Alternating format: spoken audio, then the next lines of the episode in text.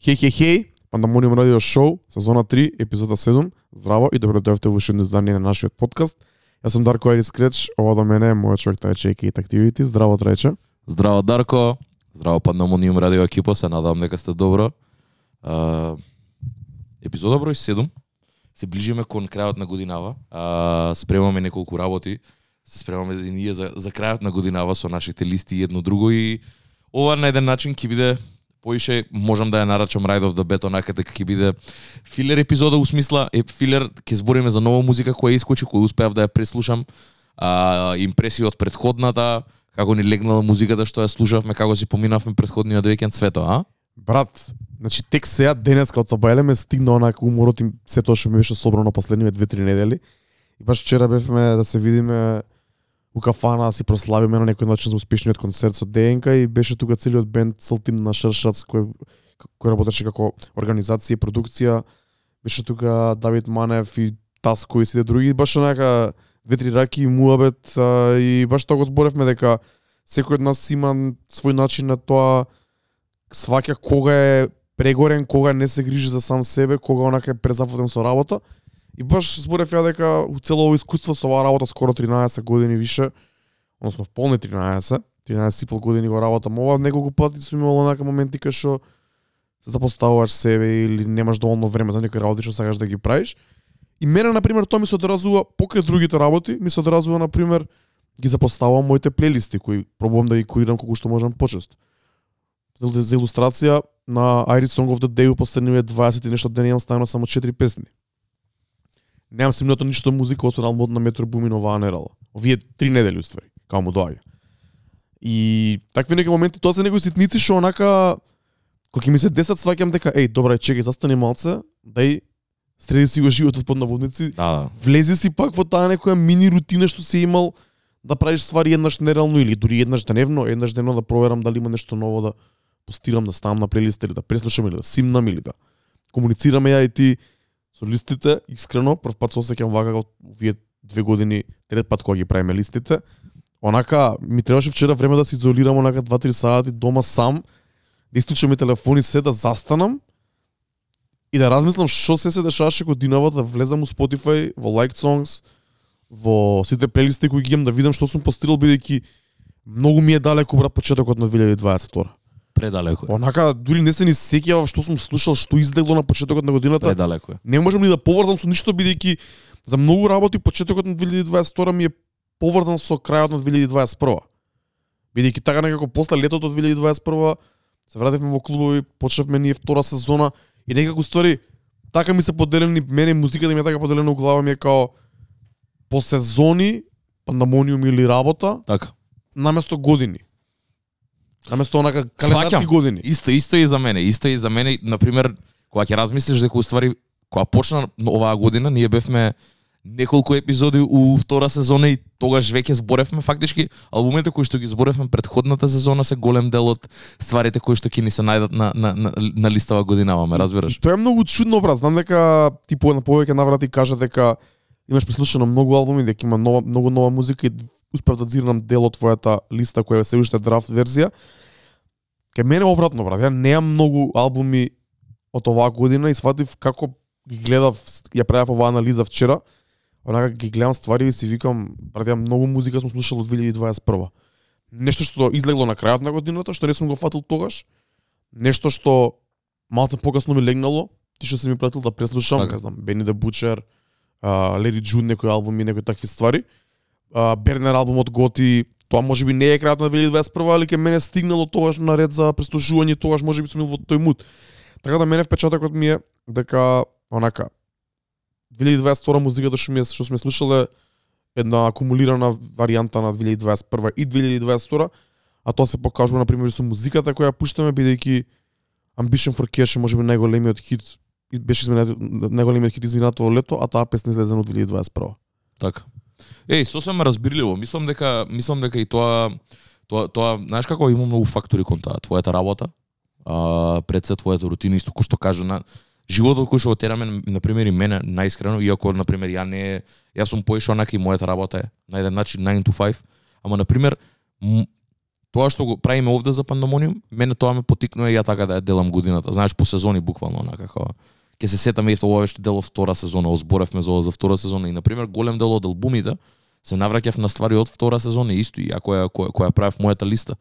А, си викам чека да видам и сватив дека има премногу музика, онака стварно имав сериозен проблем да напишам да напишам 10 албуми, онака хип-хоп албуми од годинава и напишав многу поише од тоа. Ќе збориме за тоа кога ќе ги објавиме листите, Да. ќе направиме анализа, дали дали мислиш дека имаше толку многу добри албуми или ниеден албум не ти одскокнува ништо повеќе од другите, па сите ти се тука некако како сите сакаш да ги спомнеш бидејќи и овој има исто значење како што има и другиот и како што има и третиот.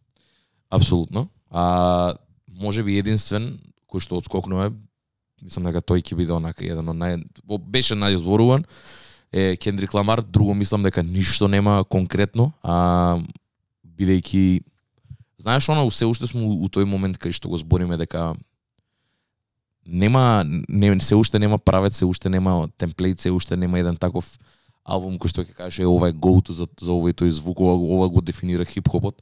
Се уште е онака разводнет, по, мислам разводнет у смисла као по многу по многу ленти се движи на паралелно и сите вадат квалитетна музика и мислам дека во поглед на квалитетна музика има премногу. Но дефинитивно ќе се сложам со тоа дека нема еден албум кој што отскокнува над сите и да се каже како ова е тоа како можеш да направиш кейс онака за It's Almost Dry, можеш да направиш кейс за Kendrick Lamar, ама It's Almost Dry мислам дека може би многу побрзо се заборави него ли луѓе што сакаат да признаат. Се уште го држат in high regard, ама добар албум е, само што мислам дека нема да остане. Брат, И, ја и, и не, ни- не, не, ни го издржа тестот на времето. Тестот на времето ме- пола година. Да, као, искочи во март. Така нешто? Не знам брат, беше про, пролет више, пролет, пролет лето, не Така знам кога може беше март, значи добра една година. Ама Не е ни битно.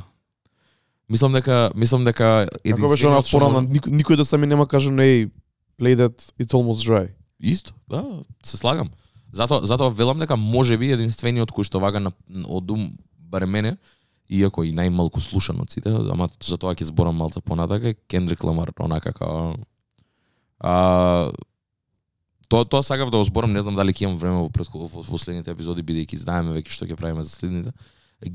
Мислам имаме Што имаме правиме? имаме имаме имаме начин како ќе ја завршиме и како ќе се одјавиме за 2022.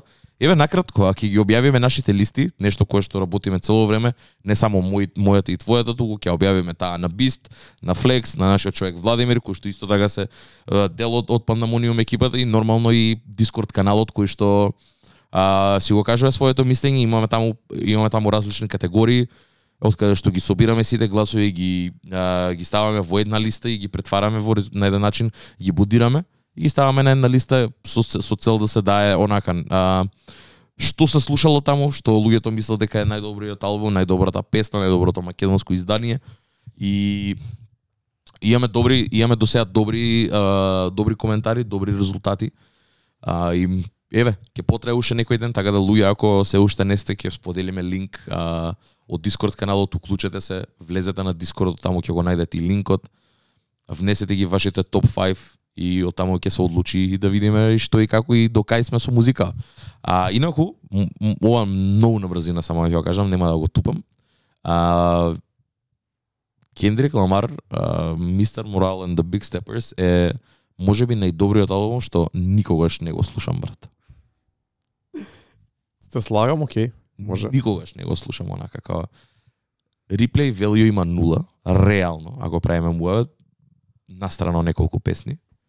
Нема лоша песна, али толку е толку е толку е катро, толку е толку е приватен за него, као само Кендрик може да го слуша он on repeat цело време. Ја не знам како би го слушал Кендрик, брат. На пример, мене Кендрик не би ми се не ми се ни појави у топ 5 ни у топ 10. Една песна немам од целиот албум. Албумот два пати го чув, сватив дека е како многу добар, сватив дека е феноменален, сватив дека е албум и пол и дека заслужува да биде у топ 10, ако не и најдобар албум за 2022. Ама не можам да го слушам тоа, брат. А има песни што ми се свиѓаат, многу има моменти многу што ми се свиѓаат, али не можам да го слушам. Тоа е исто, на пример, знаеш како се осеќам ко Control, брат. Песната. Да сите го сите го скипаа Big Sean, е исто брат, онака као, окей, имам 4-5 песни као N95, нешто друго као Purple Hearts Here and There, Mother I Sober, ама сите се тие тешки ствари само само си одбираш делчиња од нив, ме разбираш као нема не е good kid мет сиде да го пуштиш од од топ ту бором да го изслушаш онака, не е ни потешок е за слушање него ли Pimp a Butterfly, буквално онака. Као пос, потешок е за слушање, брат. Исто ги немам преслушано двата. Звукот, звукот е многу различен, ова е таа афроцентричен, джез елементи, све тоа соул фанк елементи. Ова на пример има потрадиционален хип-хоп звук, џабе брат. Не ми- тешка ми е, тешки ми се стварите внатре што ги збори брат, онака не толку е далеку од мене што не можам да се поврзам со тоа, бе, разбираш? Ја немам трансгендер у фамилија, брат, немам ни ни- немам како ја разбирам, ја разбирам поентата, пораката, она таа силина што ја носи целиот албум, али си викам ова е најдобриот албум што никад нема да го слушам поише, ме разбираш, тие два лица никад не би се навртел. Поише поише пати годинава си имам навратено на Untitled Unmastered или на или имам поише песни имам слушаното од To Pimp a Butterfly него ли овој, а ова е свеж сите го зборат, па дури и ти го пушташ N95, знаеш да ја пуштиш у клуб онака бидејќи е стварно добра кој што е, ама онака не знам. Поише пати ја имам чуено N95 у клуб него ли дома.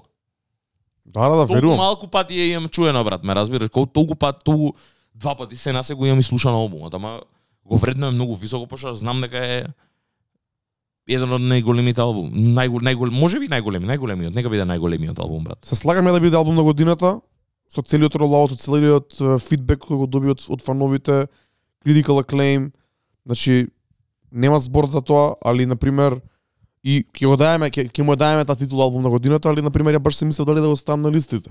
Дали да го ставам на прво на десето место во една друга категорија што направив подоле, али се викам да не го фейкам ова, боле да не го ставам нигде.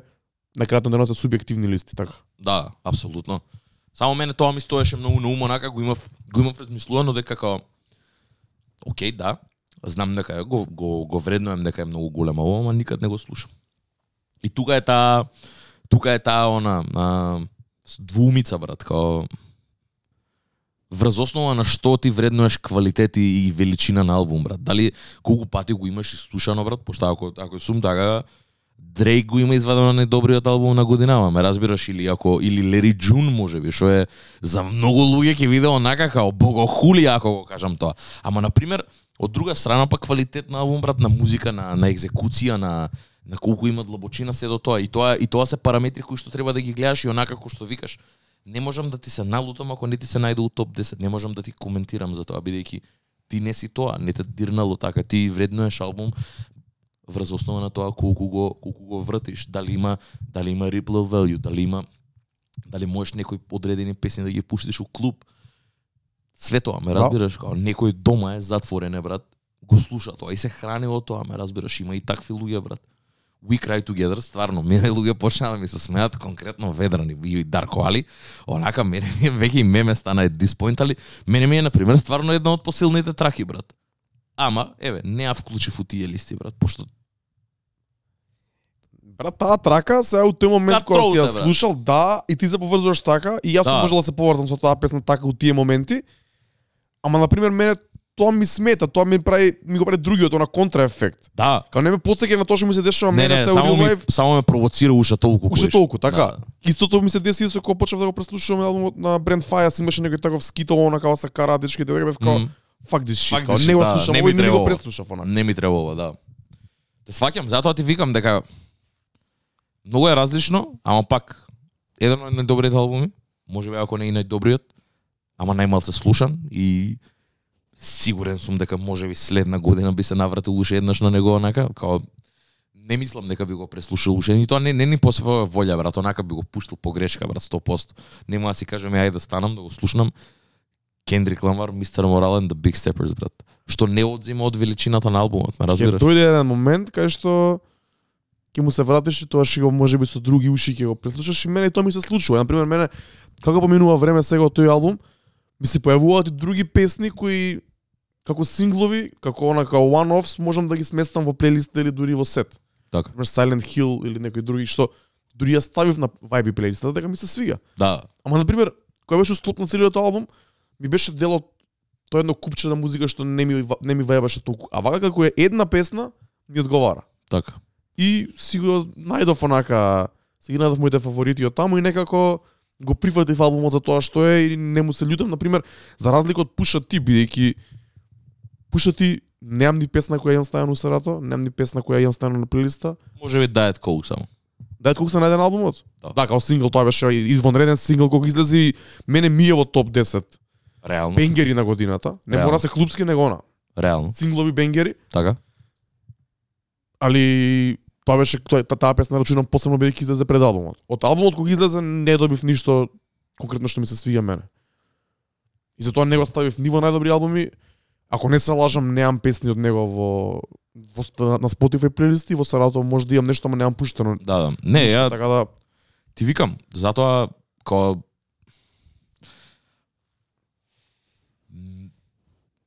Нема брат, не постои еден таков албум да кажеш е ова е тоа брат. Ме разбираш, не постои годинава, не постоеше и предходната година. И тоа е тоа е проблем кој што се соочуваме, па Pandemonium постои од 2020 и онака како три години заред три години нема еден дефинирачки албум, онака како year defining албум. Она не не можеш да кажеш, не барем ја не можам да се сетам дека Пак кој што кажав, има многу правци, ја прават ја прават најдобрата музика што умеат да ја прават онака и као многу е добре прифатена од своите пугици луѓе дури не ни пробуваат да експериментираат. Онака дури и најголемиве артисти брат. Као Post Malone извади албум година никаде не се никој нит го преслушал нит збореше за него. Неколку песни се слушна. Човеков има sold out турнеја низ цела Америка ме разбираш. Никој ни чул. Еве исто Джек Харлоу брат. Го извади албумов, го се збореше за него, ги читам листиве, се нема на едно ниту една листа, брат. албумот не е никај мене на листи. Ама First Class ми е во исто во топ 10 синглови на годината. Тоа сам да ти кажам дека албум и албум е синглови е многу полесно да извадиш некој сингл кој што ќе онака ќе биде најпознат у, у, у годинава дека и синглови нема веќе толку многу. Тоа сакам да кажам дека Имаш потешкотија да одбереш 10? не, ама 10 така по наводници клубски бенгери слеш синглови ги одбрав, имаше 10 добри.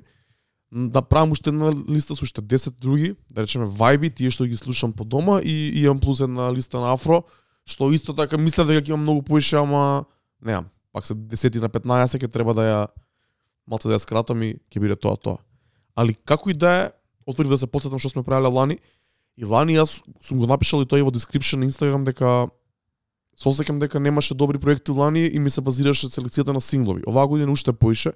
Дури се мислам да направам една плейлиста или микс, сакав микс, ама не знам дали ќе стигнам. У стилот на Fake Casual што прави као Best of 2022 на плейлиста, бидејќи имам таманен од 40 на 50 онака синглови од сите подстилови што сум ги слушал, па дури нешто што се онака многу left field ствари. Аудер, да. Да, онака е, може ќе го направам тоа чисто да, да, да направам еден пресек на годинава бидејќи може би до мене брат, ама се е многу чудно и, и е уште поразновидно и уште по онака помалце можам да го поврзам со нешто отколку од 2021 и 2020. Се слагам, брат. Ако ставам 50 песни брат ќе биде секи биде различно. Почнувајќи од хип-хоп песните ќе бидат на различен бит, нешто е трап, нешто е дрил, Да, нешто да, да, е па затоа. old school хип-хоп, мислам онако класичен хип-хоп, нешто е регетон, нешто е афробит, нешто е афрофюжн, нешто е ама пиано, онака скрос се е скрос рандом онака. Се слагам. А, то, тоа, тоа ми е можеби малци проблем. Мене ми се свиѓа разновидноста, ама на пример сакам да да има еден еден звук кој што ќе е доминирачки. И на пример, окей, можеш да кажеш дека и трап музиката е као, ама не постои нешто како трап. Еве на пример, буквално пред недела дена го добивме првото издание кое што можам да го кажеме солиден трап албум онака као кај што е осмислено, као окей, добивме и од Future албум, ама Ама и на Future албумот најмногу најголем импакт има например Wait for You песната Да, која не е ни не е ни трап. воопшто да. И као вонага си викаш добро, окей. Да, може би е, ама на крајот на денот трап музика ко трап музика, еве на пример репрезент за трап музика искочи да е Метро Бумин кој што извади на крај на година. И ја бидејќи се уште го немам прослушано доволно време. И ми нема се уште легнало, не можев и не се осмелив да го ставам. Иако заслужува да биде. Јас го ставив бидејќи можеби немам нешто друго што Не, ама не, ама го имам сваќам- 10 пати за еден викенд, брат. Тоа ќе збориме сега следно.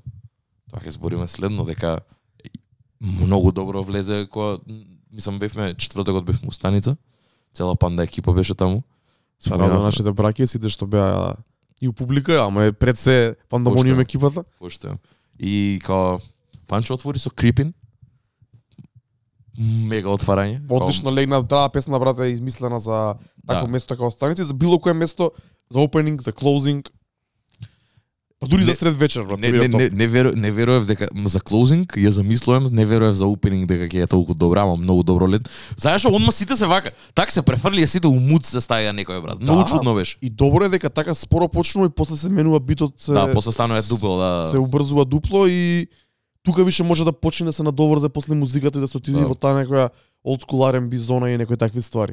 Ти го дава тоа. добро, да. Ти го дава тоа, да. Може да влезеш у трап, у вајби трап, таков спорт, до weekend стил, а, Брайсон Тилер стил Така. или Блек или немам појма, Дрейк, или можеш да влезеш у 2000 R&B одма после тоа. Може да избереш кај сакаш да миксаш песната, у која насока сакаш да отидеш. Да, да, в- versatile е за тоа, као стварно it, it does wonders for you, ама беше многу добар подек.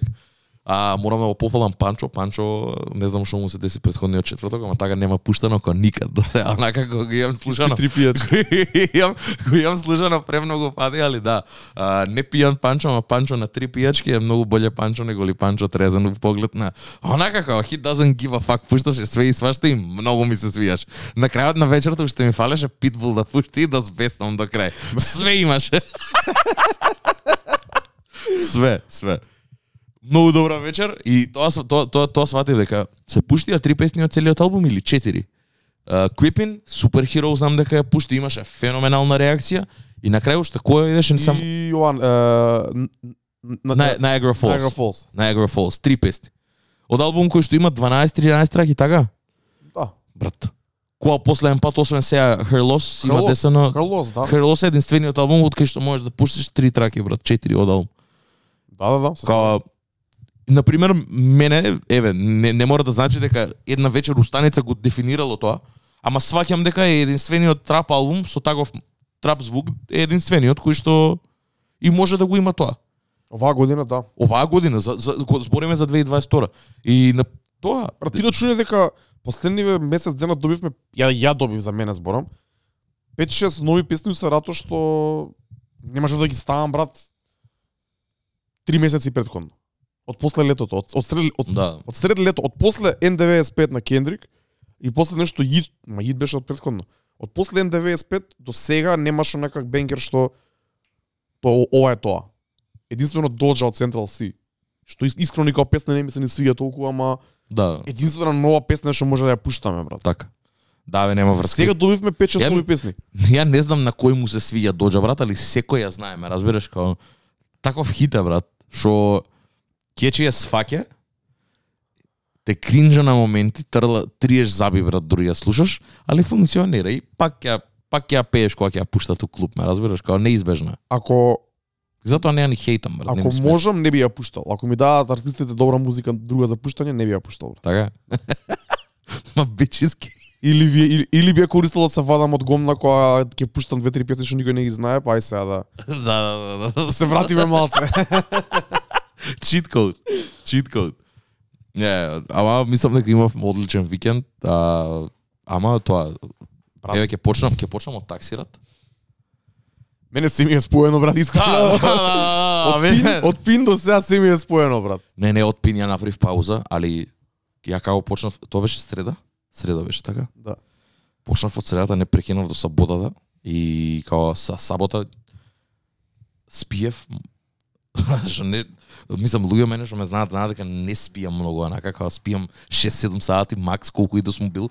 Брат спиев од легнав од 3 сати вели се разбудив од 12 пладне. Тело шатдаун брат и пак станува збор за 9 сати брат не е ни нешто премногу 9 сати немам спиено последен пат имам спиено на DJ Tiesto која иде брат 8 сати бев на, на, на, на, на концерт ме разбираш 2012 13 брат Скопје и као среда на работа цел ден еден од најстресните денови што ги имав на работа. Се пуштам, завршувам малце порано, Сагав, сагав, да сагав да ќе бидам најискрен, не бев нешто најзагреан за сите други работи, ама бев загреан за трап за трав сцената. И за uh, AMDDB која што беше дел од од uh, main stage-от И пробарно имаше тука бенклок, имаше има, имаше моменти кои што можеш да ги да, да ги испратиш, на пример кои што и ја би се поврзал со нив, на пример Буч Кесиди за мене беа нова ствар што ги немав слушано тоа, беа хедлайнери, имаше многу луѓе на нив си поминаа преубаво, али ја отидов, не се отидов, дојдов од 10 10 и пол така нешто. Го само што заврши дади дади не го фатив како настапува, ти ми кажа дека имал феноменален настап. Се каче Хилсон, Хилсон по втор пат годинава. И као онака ко прв пат да го гледам, многу беше добро, многу беше сериозен брат, многу добар настап луѓе. Многу добро реагираа на него, враг на виолинија настапи, мојата омилена песна. И као многу добра енергија. Пијачка две од тука, се пуштивме на IMDb исто така многу добро. И морам да кажам дека а, многу убаво си поминав, ми се свиѓа момент, за разлика од лани мислам дека беа свртени стејџовите обратно беа, така? А, вториот стеж беше на другата страна, Втори, да. вториот стеж беше обратно и мислам дека така поише ми се свиѓа публиско е до врата. Да. А, ама ми се свиѓа ми се свиѓаше целиот проток на луѓе онака како како можеш да се движиш низ салите за да за да, за да стигнеш до стејџот. И само една критика единствена ми е мислам дека IMDb требаше да биде као closing act на малиот стејдж. А, бидејќи луѓе имаше луѓе, ама немаше доволно луѓе на големиот стејдж за нејзе, бидејќи е голема она, она има има има фан база биде, ама не е толку голема за да биде на на на на на мейн стејдж на фестивал за да е наполни, посебно не во Македонија брат. Да беше некаде во Британија, сигурен сум дека ќе беше сосема поинаква сцена, ме разбираш? Не сум сигурен, ама окей. Држи Мислиш? го. Не. IMDb е брат артист, забораваме дека најголемиот хит Shade беше излезен кога почна Trap the Fuck Up, брат, 2015. 2015-2016. Као Да. многу е одамна тоа, брат. Да. Јас се гледав IMDb во 2019 на Exit, исто беше на main stage, но беше станало некој термин као 8 вечер, и имаш исто луѓе колку што имаш и на таксират се, као 200-300 луѓе, 500 луѓе. Не знам сад, немам осад за дека голем стејџот, ама као немаше голема бројка на луѓе. Ја видов многу луѓе пред се девојки кои ги знам кои многу лесно стигнаа до прв ред и беа многу блиску до неа, као. Да, бе, брат, ние одма отидовме и као многу добро. Мислам и као Shade на пример дури ја настапи уште втора, трета Не песна онака. Да, да. Ја кога дојдов више беше на Дарко викам лудило и више беше нека Shade Shade веќе заврши. А, А чекај, ти ми кажа дека почнала со Масив? да, да, ја от, го, ја, го отвори имаше од интересно отварање на сет. По, по, почна со почна со Масив, почна со некои други ствари од од Honestly Nevermind. Ама чекај, она или диджејката? диџејката и она пос... ама и она беше тука цело време и има имаше као интерес, интересно интро, она збореше цело време од страна врз битовите. И која искочи Тоа е добро, тоа би го слушал. Да, и, Ама тоа е добро за на помал стејдж, брат. и тоа ми е дека Дека пуше клубска варијанта, некоја таква као да, да, кај што има капацитет од 800.000 да, луѓе, онака тоа би било. Или би ја да речеме. МКЦ капацитет, да, точно го кажа. Да. И а, може заради тоа велам дека и можеби на пример ако беше closing act по, после се, после сите артисти кои што беа на трап сцената, таму да се појавеше, мислам дека може би ќе беше и многу подобро, пошто таму ќе имаше посконцентрирана маса на луѓе кои што пред се ја знаат и ја слушаат незината музика. И плюс луѓето од мейнстейдж може да дојдат таму и ептен да се направи full house и да има и поголема енергија и тоа цело за онака да иде и back and forth од артистот кон вако инаку онако настап настап имаше многу добар. Многу добар вокал, искрено не замислував дека така ќе нам стварно многу многу многу блиску до цело време мислев дека незиниот незиниот вокал е многу онака со филтри и со свето, стварно вокалот е таков кој што е онака како Шедија. Шедија настави онака еден према еден беше со со студиска верзија, многу добро беше брат. Не знам тоа дали има некој опасен саунд инженер у позадина Сигурно и тоа, да. али као многу добро звучеше, многу. Ама се гледа доена е со женско друштво, онака со вали не знам дали таа беше девојка, ја снимаше цело време или social media менеджер, што и да е. Диџејката исто така цела екипа беа девојки што ми се свиѓа. Да, да, да. И Добро изгледаш. Но многу добро, многу. Фрли фрли неколку винили, фрли неколку блузи у публика. Све тоа што треба еден артист да го направи за прв пат доаѓање у у држава како Македонија, нормално. Ја тоа што го видов ми беше многу underwhelming, брат, и онака, бидејќи знаев дека да. такви случаи не бев изненаден. И бев као добро, окей, тоа е тоа, баш се деси тоа што го очекував да се деси. Добро што дое тука, за жал може би и не се ни видов, не успев да ја сретнам негде без теч, ама искрено не, не не ја бркав, не ни ја барав. А, добро е што луѓето видоа и би рекол дека може би видоа и како треба и како не треба во исто време, бидејќи онака, бар ја тој дел што го фатив некои десетина минути посадов, беше целосно губење, онака не знаеше ни она сама што прави. реге чант имаше ој ој ој ој ој ој нека нека као беше него неповрзано не, Тоа е поише, знаеш како, кога Немаш- пробуваш да направиш сет од песни што луѓе не ги знаеш, не ги знаат песните и пробуваш да ги да ги брат. вовлечеш во сето тоа. Затоа ги кажам, не се слагам дека има, не се слагам дека има фан база брат. Мислам дека има многу фоловерс на Инстаграм, поради тоа што изгледа добро. Има стил, се тоа е супер, супер изгледа на социјални мрежи, али Па не, после пет години од најголемиот хит Да, е, па се тоа е. шлепа на стара слава и на фоловерс на Инстаграм и луѓе пред се девојки ја сакаат и тоа е во ред, ама као не музиката не не го држи тоа. Нема Да. нема музиката А, не го подпира тоа. ја ти кажав уште тоа да бидеме реални, луѓе се дојдени за една или две песни макс од неа, ништо поише. Ја знам две од неа, Urban Jazz и Shade толку. уште една работа, брат. Ако ако беше на малиот стеж, можеби ќе беше подобро бидејќи Сватив дека има и луѓе, многу луѓе што не ја знаат, брат. Дури на Дискорд некој пише дека не знае кој е, а слуша трап и хип-хоп и се што кај нас на Така. Дискорд дека би требало да ја знае. Да, Ама бидејќи музиката она беше м, под наводници популарна пред 5 6 7 години доаѓа од Британија, не е не се појавува толку често Да. на овие на комплекси, на овие други ствари што ги следиме сите што се така. што третираат поише американската сцена, сватив дека уствари многу луѓе не ја знаа. И можеби да беше на малиот стеж, и можеби многу луѓе ќе се запознаеа со неа бидејќи со самото тоа што ќе беше на тој стеж, ќе значеше дека она е тој стил и може Да. луѓе ќе си речеа да ќе погледам малце.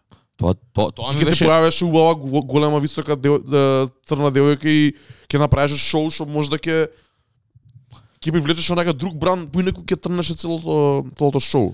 Тоа тоа ми беше и мене. Ја мислев дека ќе на многу поише ќе ги соедини тие две две сцени брат, као луѓе од мейнстејџот ќе се појават таму, можеби ќе дојдат 15 минути порано, ќе фатат некој друг, ќе фатат Синката и, и, и Донацу, можеби ќе го фатеа Хилсон, ќе се измешаа, ме разбираш, мислам дека од тој аспект и боле ќе беше. Ама и не е дека публиката од мейн стејдж по наводници публиката од мейн стејдж бидејќи нема публика за мейн стејдж за втор стејдж, публиката на фестивалот и поентата е да, да движи. Да, Нормално. Да речеме таа која наречеме публиката од мейн стејдж, не е дека таа публика беше за MDDB дојдена брат. Ја Поише би рекол дека публиката од неговото- помалиот стејдж требаше да дојде на мейн стејдж да ја гледа неа, бидејќи по наводници трап или што и да е хип-хоп. Што и не се ни случи до, до толку. не се случи, останаа на останаа на домплеа и на на принцеза Нац. Што само ти кажува пуша за MDDB. Искрено. Реално? Да, реално. Затоа, затоа велам добар момент, мене ми се свигаше, мило ми е што ја видов, ја требаше да ја гледам у Париз, на многу помало шоу клубче, И онака ќе беше многу боле. и сигурно ќе беше многу подобро и за мене и општо и за све. Не се деси тоа, не отидов у Париз, ама а, не знам. А, ете, уште еден онака чек дека имам видено, Тоа да. и ама факт ако имам шанса да идам на да идам на поприватен настан, каде што може би на пример и поише и луѓе знаат музиката едно друго, не знам. Може би пак би пак, пак би отишол на некој поприватно, да не е вака на големо. Брат, на Мислам дека журка голем- треба да кај што ќе пуштат и незината диџејка, она само ќе се појави. Исто. Тоа ќе биде најболја варијанта. Боле, најболја варијанта ќе тоа, дефинитивно се согласувам. Ама затоа ти велам, можеби овој стејч не беше за неа. Ми се свиѓа дека беше повикана како артист, ама не големината на таксират и колкафе и стејџот и свето, мислам дека беше преголем за неа, онака не дека, дека, дека, дека не е артист кој што може да да повлече луѓе, као реално да правиме муавет. Таа ти е бонус онака као дојден сум за пучке си за Бенклок, ама ќе идам пола сат порано ќе ја гледам IMDb. Чисто колку уште еден артист да штиклирам од од листава на артисти што имам слушано, ме разбираш. Затоа реков, јас сум човек што ја слуша IMDb, знам на памет две песни од неа, толку, ништо поише од тоа, ме разбираш, као нема вау некој албум, нема она има има музика, али таа музика е многу она како пуси рајат, мислам дека се викаше едно. Ти многу е различна, брат. Има има некад има онака джези ствари, онака побавни, што се пак трапиш, има некои што се рейдж ствари се у последно време. Стилот ти е на секаде онака и не може и она да да креира еден звук онака кохерентен кој што и низината фан база ќе се поистоветува со него, ме разбираш, на секаде пробува И нормално е тоа. Што што кажа, последен пат била позната у 2016 била Попин. И као онака пробува да сега пробува нови ствари за да за да влезе у некои нови води чисто да види што и како. И заради тоа мислам дека пак ти кажам, се сведува на тоа дека мило ми е што ја викна, али не Се мислам, али не, ми- не мислам дека беше правото место за стејч и правиот стејч, правиот слот. стејч, тайм слот за нејза, да. Да, да, да.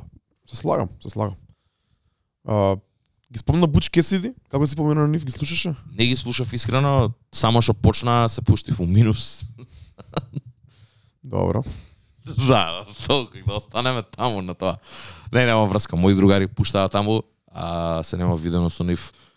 Викам ајде. Шараут Убли екипа? Шараут Убли екипа, реално. А, после долго време и они се собраа заедно. Алек живее у Берлин, долго време се немаше вратано, посебно не е за не не беше у можности кога се имаше вратано да да пушта музика. А така да многу беше добро заглавивме до прилично касно. Од Златен Бенклок ја отидов на побрзото, на на Ациди и на на Побрзо Ласери. тоа, и, и, и, Бенклок беше брзо за нас, брат, искрено. Да, да, да. Ох, не шо било. Хаос. Не, ама многу добра журка, многу добро си поминавме. И Бучке си не ги гледав, ама вака луѓе импресии што чув дека добро си поминале дека ама ја не, не знам една песна не знам од Бучке Брат, си брат. ја не знаев, знаев дека се добар бенд од Балканов, млад бенд, нов бенд со свеж звук. И екипата на, на Red Bull не покани да отидеме на промоција на нивниот филм Дента пред Исто така. Огромна благодарност, ја не бев во можност да отидам. Отидовме ја и Дади брат. Значи прејако нешто гледавме, искрено. Не очекував дека е Мислам дека се вика еуфорија. Еуфорија сега така се вика и албумот. Се вика Еуфорија уживо и уствари имали идеја која беше ковид да направат лайв сесија што ќе ја снимаат. Така. Али од обична лайв сесија направиле мини филм брат. И уствари дешавката на целата целата дешавка они свират во, се се случува во некоја старо Југославија време нешто 80-ти вајде 70-ти 80-ти немам. И нивниот вајб е таков, така Звукот, се да, облекуваат, да.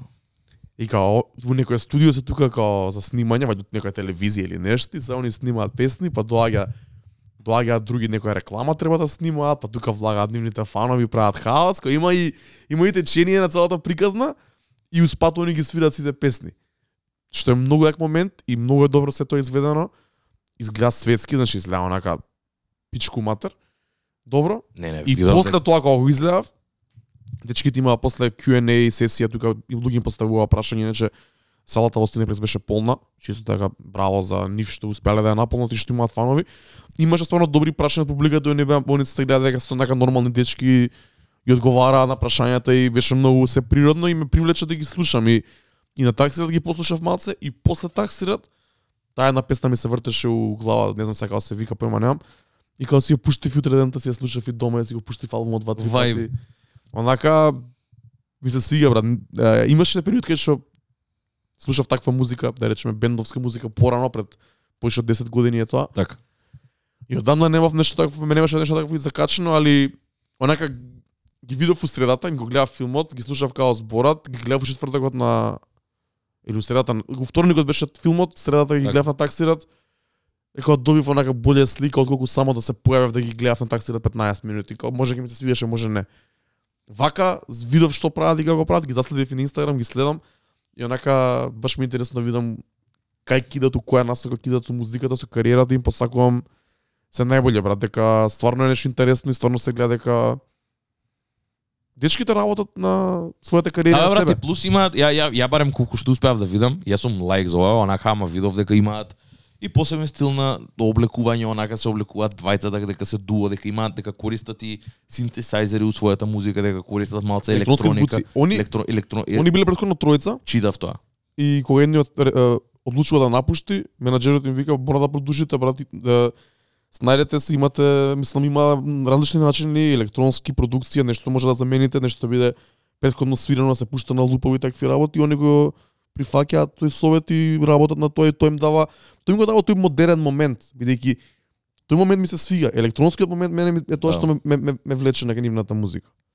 Не, не знам која е била причината, остануваат безглавен гитарист или такво нешто, или бас гитара остануваат, Пас па, најверојатно. бас и онака како зи, го зимаат синтезајзерот Abletonот и почнуваат на него да прават ствари да свират и тоа ти дава некоја друга друга димензија, онака како што на ДНК на пример бендот им дава друга димензија и таа инструментализација, они на пример влагаат у овие води кај што електронското им дава Да, друга да, димензија, да. така да многу добар момент, читнав нешто на Википедија за нив онака чисто да имам се нешто како не го успеав да ги гледам бидејќи заминав.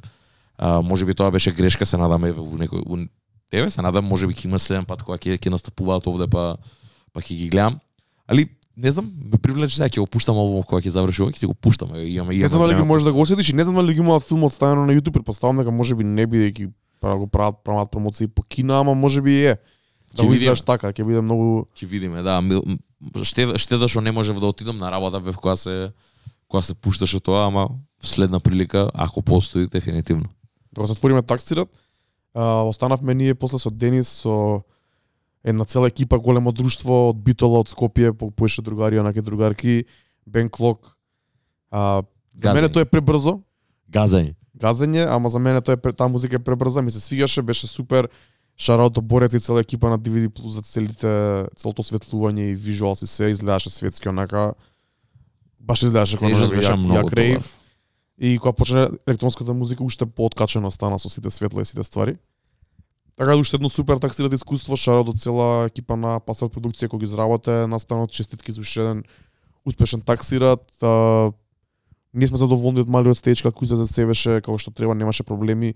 Добивме солидни настапи од Баша, Дади, Хилсон Мандела и а, Домплея и а, Кика. И имаше добра дружба на кај денот на тоа се сведува сега таксират тука се луѓето на едно место се голема е салата, ама успеш да се видиш со различни луѓе да се направиш муабет. Тоа, тоа. Као секој фестивал тоа е поентата уствари мање више ти што ќе гледаш и како ќе гледаш него целиот провод, целото искуство е најбитно и мислам дека добивме едно уште еден супер таксират брат. Тоа, ќе видиме што спремаат за следна година, сигурен сум дека веќе работат на случајот. Сигурно овде и Дфест пред тоа, така да пасворд продукција и работат на случајот како и да е за тие настани. Чекај да го затворат прво ова, не е туку така да се затвори да, голем фестивал. реално, реално. А, еј, ќе се префрлиме на нова музика. Ајде, А? ајде. Ја немам преслушано нешто кој знае што да, брат. да, ова е мојот сегмент сега. Ја ја ќе зборам за за нова музика, за нови ствари кои што имаат искочено, нешто што успеав да преслушам. А, тоа е мислам дека морам да почнам од а, тоа е долго очекуваниот, вака ќе направам долго очекуваниот албум на на на Сиза. А, SOS, а, најновиот TD релиз, албум кој што е онака као Six Years in the Making, немам појма колку време има поминато од претходниот нејзин албум. А, не знам која беше причината за сето тоа чекање. Знам дека си имаше големи проблеми со TD, по, по конкретно со Панчо, онака за вадење за албуми. Не и даваше музика Панчо? да. Не, не, не, Панч, Тиди и Панч, не, не. Тап Дог, не, не, не, не, не, не збориме за Панчо. И као имаше големи проблеми со својот лейбл брат. А, не и даваа да вади музика, Тиди знаат малце да бидат ригорозни кон својот релиз календар. А Сиза е едно од најголемите нивни артисти што ми е mind boggling онака како се уште не можам да сватам како Сиза е еден од артистите кои што има најголем following на на на вакво, не знам тоа. Тој момент што го кажа дека е прелайкабл, дека има многу голема фан база и на Инстаграм многу следачи. Мислам дека има исто така голем удел за Сиза и начинот на кој што изгледа и све тоа да да има она да има поише фанови него ли тоа што незината музика заслужува, не дека е лоша. Музиката е прекрасна, огромен фан сум на Сиза, али после 5-6 години онака очекуваш да, очекуваш да чуеш нешто друго и мор, можам морам да кажам дека добивме повеќе од истото. Не е нешто out there, не е нешто скрос поразлично, туку добивме еден албум кој што е релативно долг, доста траки има, има некои кратки, ама има некои моменти кои што се онага малце поразлични него ли али не е ништо ново кое што немаме слушнато. Истото флоу, истата тематика е она, мислам кој што е тр и нормално е за R&B албум, ја не барам нешто конкретно, али на пример мислев дека ќе има некоја некој некој друг некој нов момент, некоја некоја нова сфера на сето тоа, некое патешествие кое што нешто што се има десено во последните 5-6 години онака за и да на- да ја натера не за да прави нешто малце поразлична музика со поразлична со поразлична продукција. Не беше тоа случајот. Класичен традиционален R&B албум со модерен звук, со таков трапиш вајби кој што е релативно и може би сега, ако, ако земам R&B звук онака за 2022 и 2021, може би малце у позадина влезем, бидејќи Сиза, Клоуин, Хейли, тие се артистите кои што го, го негуваат тој стил, се, се, се поише и поише, например, и конкретно машкиот дел на R&B, на, на R&B светот е поише кон тоа Givian, uh, Lucky Day, поише кон тој традиционалниот онака со инструменти, као поише на вокал. Овде е поише на вајб, овде е поише на мелодија, овде е поише на на такво да е лавабл, да е хагабл, онака тоа baby making music што се смееме дека ама не ми прави ништо албумот, брат, као добар е, квалитетен е, ми се свиѓа, али онака као можам и без него, ме разбираш, не е нешто што вау, ми треба у мојот каталог, а ова ќе го вртам. Имам поише R&B плейлисти, не верувам дека ќе ми се најде една песна од нив, може би една, има неколку интересни моменти, не можам да лажам. А, има интересни интересни фичерс кои што не ги очекував искрено. А, знам дека Shirt беше еден од сингловите за за ова и као направи огромна огромни бројки, ама стварите кај што кај што е најне а, она најнеконвенционална продукцијата, та, таму највише ми се свиѓа. А, така да, еве, за мене убил има има ја би ја би го ја би го поделил ово на две половини. А, втората половина некаде ми почне тука кај Smoking on my X-Pack. Тоа е тоа е тоа е кратко како интерлуд онака. И- Минута и 20. Каков наслов е ова, брат? Да, немам појма. Ама Добро. а, таму има малце up у целата продукција у светот и од таму ми почне таа подобрата половина на, на албумов. Која разликата? Првата е поише трапиш, мислам поише со со Поише е таква, битови со да, као таа ми е таа класичната тоа што очекувам од горната или долната? горната. А за долната, иако иако пак има такви моменти, опа. А, Smoking on my X-Pack, ти викам тој ми е тој прелаз за, за нешто малце поразлично. Ghost in the Machine, може би ми е умилената песна. Таа песна е со, со Фиби Бриджес. Фиби Бриджес е артист кој што не можам да објаснам каква музика прави, треба да чуете, исто така легендарна, многу добар текстописец, многу добро знае да пренесе емоција преку текст. А, му прави по, по традиционално, не е ни R&B тоа, ни зиното не можам да го нарачам R&B. Луѓе би ме убиле, онака ако го нарачам ова R&B. Ама песната се вика Ghost in the Machine и е многу по карактеристична и многу поразлична него ли тоа што го има си, си за направено до сега. И одма ми одскокнува целиот албум и од целиот незин каталог. И си викам, окей, ова е, ако, ако има поише вакви песни, топ.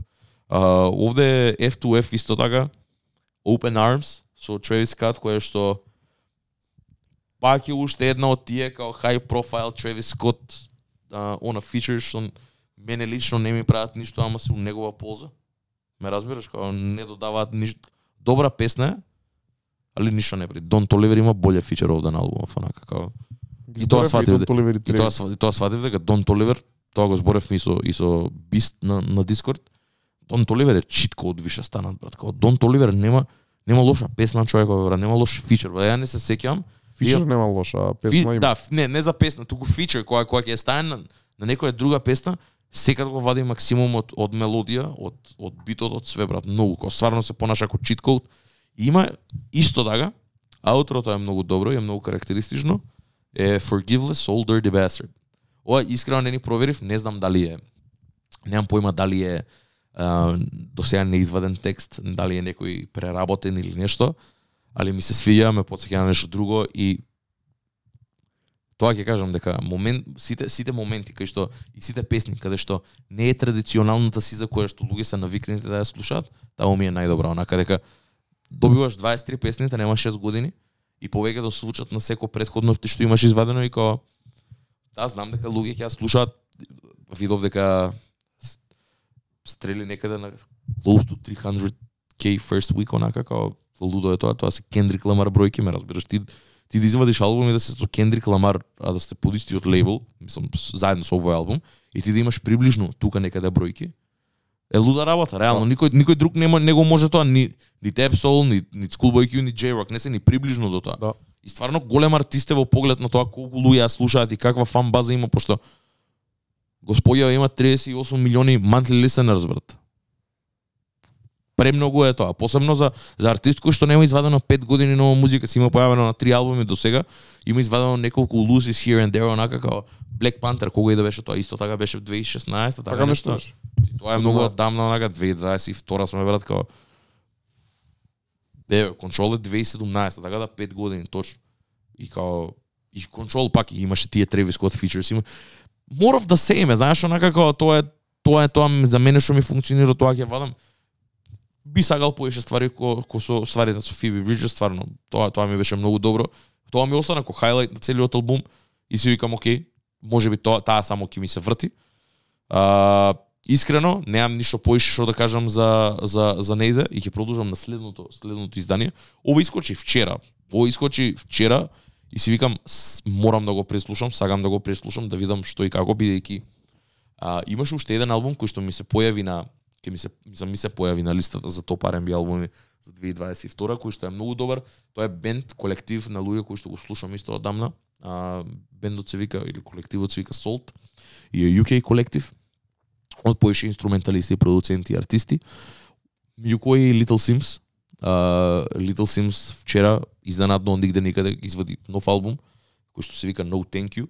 Прилично долг албум, а за бројот на на, на песни кои што го имам 10 песни, а рантајм има од 50 минути, што значи дека као у просек една песна е 5 минути и, и почнаа многу добро. Ова е лани, знаевме, знаеме го извади а, албумот а, Sometimes I Might Be a Introvert, а, Simba, така мислам дека се вика, или како беше албумот? Мислам дека е тоа, да.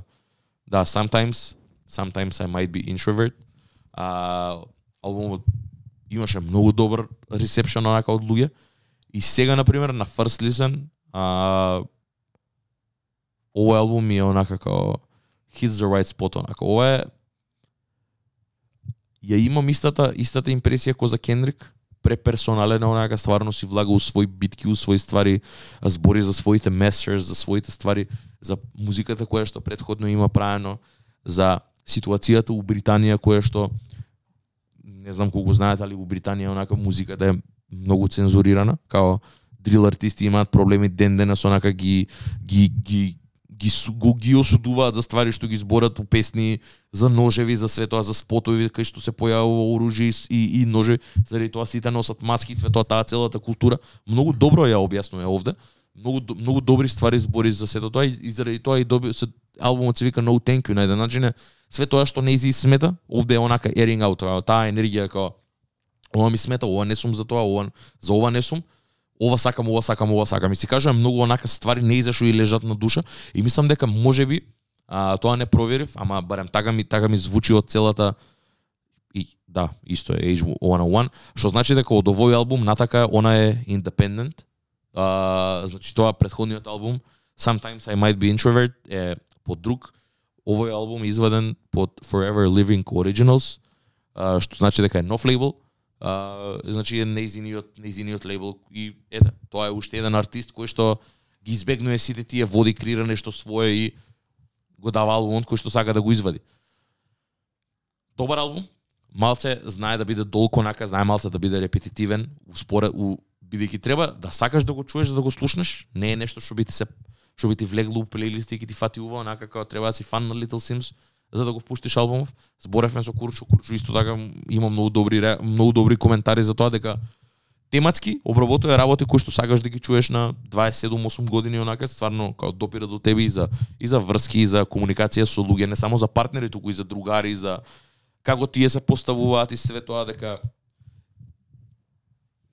може да кажам дека има еден таков Дрейк момент, она Дрейк дипкац кај што збори за за фамилија, за другари, за сите тоа, само многу по tone даун по down to earth кај што ги нема милионите на Дрейк, ме разбираш како такво е, можеш да се поистоветиш поише со тоа неголи неголи со Дрейк стварите што ги збори. Така да квалитетно парче музика, 10 траки е, малце е долг, кој што кажав 50 минути, онака има песни кои што траат 7 минути, има 5, 6. Нај, најразновидни се продукцијата е most, mostly инструментална, што мислам хип-хоп е, ама се гледа дека се кори- користени инструменти у неа, онака како се гледа, има брейк битови, има најразлични тапани кои што се префрлаат усред песна транзиции, некои чудни. И ме потсеќа на на албумот 11 од Salt, кој што го спомнав, кој што еве ќе кажам мене ми се најде на листата за топ 10 најдобри ал, а, изданија. Имаат многу поеши изда, а, албуми, имаат еден од 2019 тоаш ги дознав се вика албумот се вика Five, така им се сите подредени а, нумерички. Таму има една песна Why Why Why. Таа ми беше врв тоаш кога ја чув. И ова ме потсеќа на сето тоа, како инструменти се гледа дека работи со свој бенд. Знам дека имаше и NPR каде што исто така со истиот бенд е настапува така да има тој убав момент онака и, и ја знаеме дека она е сека таква индепендент, дека е силна, дека го има тај тој момент на Курчо онака е жена од UK и е против системот и против све тоа. Така да ми се свиѓа ова, ми, ми се свиѓа бидејќи освен R&B изданија, не добивме рап ал барем за мене, иако знам дека Меган Thee Stallion и све тоа, тоа не слушам. Извади албум? извади албум, онака како женски артист кој што кој што можам да го слушам, извади албум брат. Не би го ставил на листа, значи пресвеше, листите веќе ми се завршени. Не би го ставил, значи еден ден го имам слушано, ми, ми, ми нема ни легна, не ни можам да кажам, али добро парче музика онака. Во лош момент извадена добро парче музика Зашто прекасно ти е? прекасно ми е у годината за да можам да го споредам со било што. А најчесто тоа сватив дека овој период, тој месец, тој пола месец сеа до нова година, не го зијам за уследната, ме разбираш? Па, да. Не го зијам. Така има Филани еден момент со Navy Blue еден албум и со Half God на Wiki кој што исто така искочи. Треба да го земеш за следната година. Треба. Ова ова може би ќе биде ентри за следна година, да. Ама како и да, all in all добар албум. Ако Little Sims ви е нешто што слушате, ако тој стил онака као инструментален, а, онака потрадиционално Loyal Carner, нешто такво, ако тоа ви е, Би слушнал ја брат. може да може да ви интересира. Loyal Carner исто така имаше албум годинава кој што го немав чуено, го слушав завчера кога видов дека има изваден албум, бидејќи се потсеќав и имав слушаното исто една песна од него. Исто така добар албум, али Сейнт го преслуша? како? Санте како се чита? Saint, да. Сейнт. А, Санте. може би да е Saint, немам појма, дека Не, ето му е со Ону апостроф, може песната вика Saint е? Не, не, не, don't call me Sainte. А Don't Call Me Немам појма. А, ја знам само шаде, а Лани локал MVP исто така ми се најде на, на еден од најдобрите проекти за 2021. Така да, тоа беше од музика, барем тоа уште успеав да преслушам тие се два албуми кои што искочија а, неделава. А, нема нема не да се рап албуми, ама нема не да се лутам ако ако биде стајани у водите на R&B, бидејќи а, нема нема ниту еден а, credited feature, ама ако отворив на Genius, а, гледам дека на на рефрените ја има Clio Soul, која што е еден од најквалитетните а, R&B вокали моментално, женски кој што исто така лани ми се најде на, на, на R&B листата за најдобри изданија. Има уште некои такви, кај што рефрените се такви певливи, као недела, попладне, онака, темно која ќе, ова може да се го пуштиш и таман ќе ти. Тоа, таков е вајбот, брат. Таков е вајбот. Малце е аплифтинг, ама не, не е енергија да ти дае кој знае што, онака, да те, да те, да те удри у груди. Само тоа ти дава. И добар албум, за тоа што е, го прави своето. Као си е таа целта за квалитетна музика, си го прави. Се преслуша. Тера таму кај што треба. Не се ни сеќавам друго дали има, мислам дека тоа беше друго, не знам, знам дека а, е ова морам да го кажам, ова беше, ова беше многу добар сингл, може и ова тебе ќе ти се свие. А, Black Odyssey и не знам, овој BNX Sense сега што е Буджу, Буџу, да. Буджу. Бенстон, така се тоа се чита. Немам појма како се чита. Извадија песна нова, Lay Low. Леле, брат, тоа што е? Тоа е уводите на на Wizkid новиот албум, Добро. Афро, со R&B, Таква секси? секси. Скрос. Сек. Ова ми е, ова ми е посекси него ли било што што има и на на Wizkid албумот. Така да многу добар, многу силен сингл, а ова исто Black Odyssey имаше албум извадено годинава, репрайс на претходниот од 2021 и многу ми се свија Ептен, онака еден од најслушаните ми е годинава. Исто така многу добар албум, али ова оваа песна мислам дека тебе ќе ти ќе ќе ти ќе, многу многу ќе ти се свиѓа. Посебно онака ако е ако ја чуеш у право време, ќе биде права ствар дефинитивно. Ќе преслушам, ја вчера земав да го преслушам албумот на Коджи Радикал кој излезе во Добро. во 2022 бидејќи кога срчав таму по албумите ми се појави сфатив дека е овој го чувам, а не го преслушав толку добро. Така. А песната Born која се наоѓа на тој албум која беше сингл ми е една од топ 10 песни за годинава од афро светот. Викам ајде да го преслушам, го слушав, ама не немам уште изградено мислење за да дам некој ревју, ќе го преслушам уште неколку пати. Ама вака вчера шетав со Грицки, бевме до Лептокарија и назад. Скоро цел го преслушав, беше такво темно, врнежливо и ми легна некако. Ми легна добро. Ми се Има убава музика годинава, ја само тоа ќе Ми кажам. се свиеш.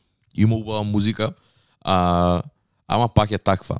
А, сегрегирана е онака по, по свој покет, као никад нема да стигне Коуджи Редикал до мене, брат, ако не го знам кој артист. Мислам, го знам кој артист, ама не го следам на Spotify, нема да ми искочи на... Немаш каде да го најдеш, брат. Немам каде, нема, не, немаш ти сетин кај, кај, кај што можеш да ми го пуштиш, не е ни за на афтер, не е ни за на седенка дома. Ме разбираш, онака треба ептен да ти текне и ти сам да се присетиш, да ми го пуштиш на вибри и ми кажеш, ево мораш да го чуеш. Брат, ја го ставам во тој кош. Какви се тие албуми кои што имало моменти да ти кажам Дарко ова мораш да го чуеш. Е, на пример овој сингл да, Да. ми е еден од таквите, ме разбираш, ама Фали тоа, брат. Фали фали нешто што сите мора да го знаат годинава. Се Тоа ми слагам, фали. се слагам. Тоа ми фали дека као, еј, дечки мора, ова мораш, ова не не можеш ова да не го имаш слушнато, ме разбираш? Ја добив печаток дека такви ствари беа а, Стив Лейси, Брент Фајас, Кендрик, ќе кажем дури и Бет Бани на светска сцена. Тој впечаток го добив онака. И Дрейк и 21 Savage Хрл Лос. Еве дури Метро Бумин сега. Мислам дека тоа се албумите што онака као мора да ги мораше да ги чуеш ја која не преслушав ни Стив Лейси ни Брент Фајас. Ама не, знаеш како и тие се и тие се репрезенти за за стварите тие што ги репрезентираат. Као тие се најстакнатите албуми од нивните води, ме разбираш?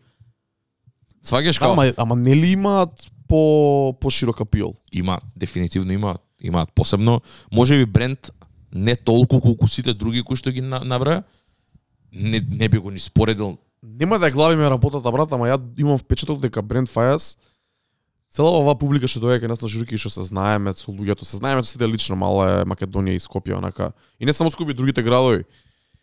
Имам впечаток дека голем дел од таа подновоници трап екипа се влага у Брент Фајас водите, у таа тие некои си застануваат токсични сега сме, сме биле токсични сите- секако брат, сите- цело време, Сите ама стануваат говнари сега се инспирираат од бренд Фајас У поглед на звукот зборам, брат. Им се свија тој звук. Да, не знам дали е, може би хајп, дали може би са тоа е the next thing за новата генерација. Дај Боже да е супер за супер за нив и за сите што го сакаат тој, за бренд Фајас дури супер. Таков ми е впечатокот, брат, може би грешам. И се осеќам дека тука има голем дисконект помеѓу мене и и нив, ако јас сум ова афро да речеме, таа насока, Так.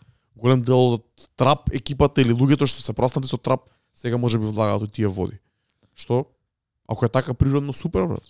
Не, ама види, и Бренд Фајас има такви моменти каде што и, и, и Fuck the World и сега и Wasteland, например, не е трап звук, ама знаеш она бавно R&B, тоа Даре, ц- го знаеш тој Бренд Фајас звук, брат, као и тоа, например, валјде им прија и на луѓето кои што, не знам, тоа слушаат од 4-5 саат са бајле, која, која водат љубов или што и да брат, ме разбираш, тоа има, као еден еден еден од моментите кога слушаш Бренд Фајас е тоа брат, или си сам дома брат.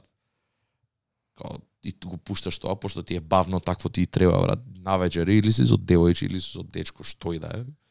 Тоа ти треба брат, таква е тоа, таа што викаш ти секси музика, ама на пример Афрото е малце поразлично, дека ами го има истиот еф, ефект, го има истиот ефект, не дека го нема, ама со поинаква енергија. и е многу далечно од луѓето што се пораснати така. на трап. Исто така. Нас не ни е далечно дека ние имаме пораснато на R&B 2000-ти, дури на Денсхол, на Шон Пол, на Шаги, Јап, на се тоа. завчера гледав ствара за Шон Пол, збеснав. Од Vice го гледаше Да. да? За Шон Пол не гледам, ама гледав за Шаги, Не, за не. овој, за Афромен и за Предобро е, брат. Шон Пол, брат, предобро видео. Како се викаше серијалот? И не ми текнува, брат. Има на Vice серијал е, како се направени тие некои такви легендарни песни. Ја гледав за Afroman Because I Get High, она Who Let the Dogs Out Улето долг за да. и It Wasn't Me од Шаги.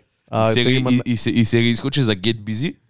Ама не се збори само за Get Busy, се збори за све живо и диво, општо онака животот и на Шон Пол и од кај потекнува. Многу интересна прича има. ќе гледам.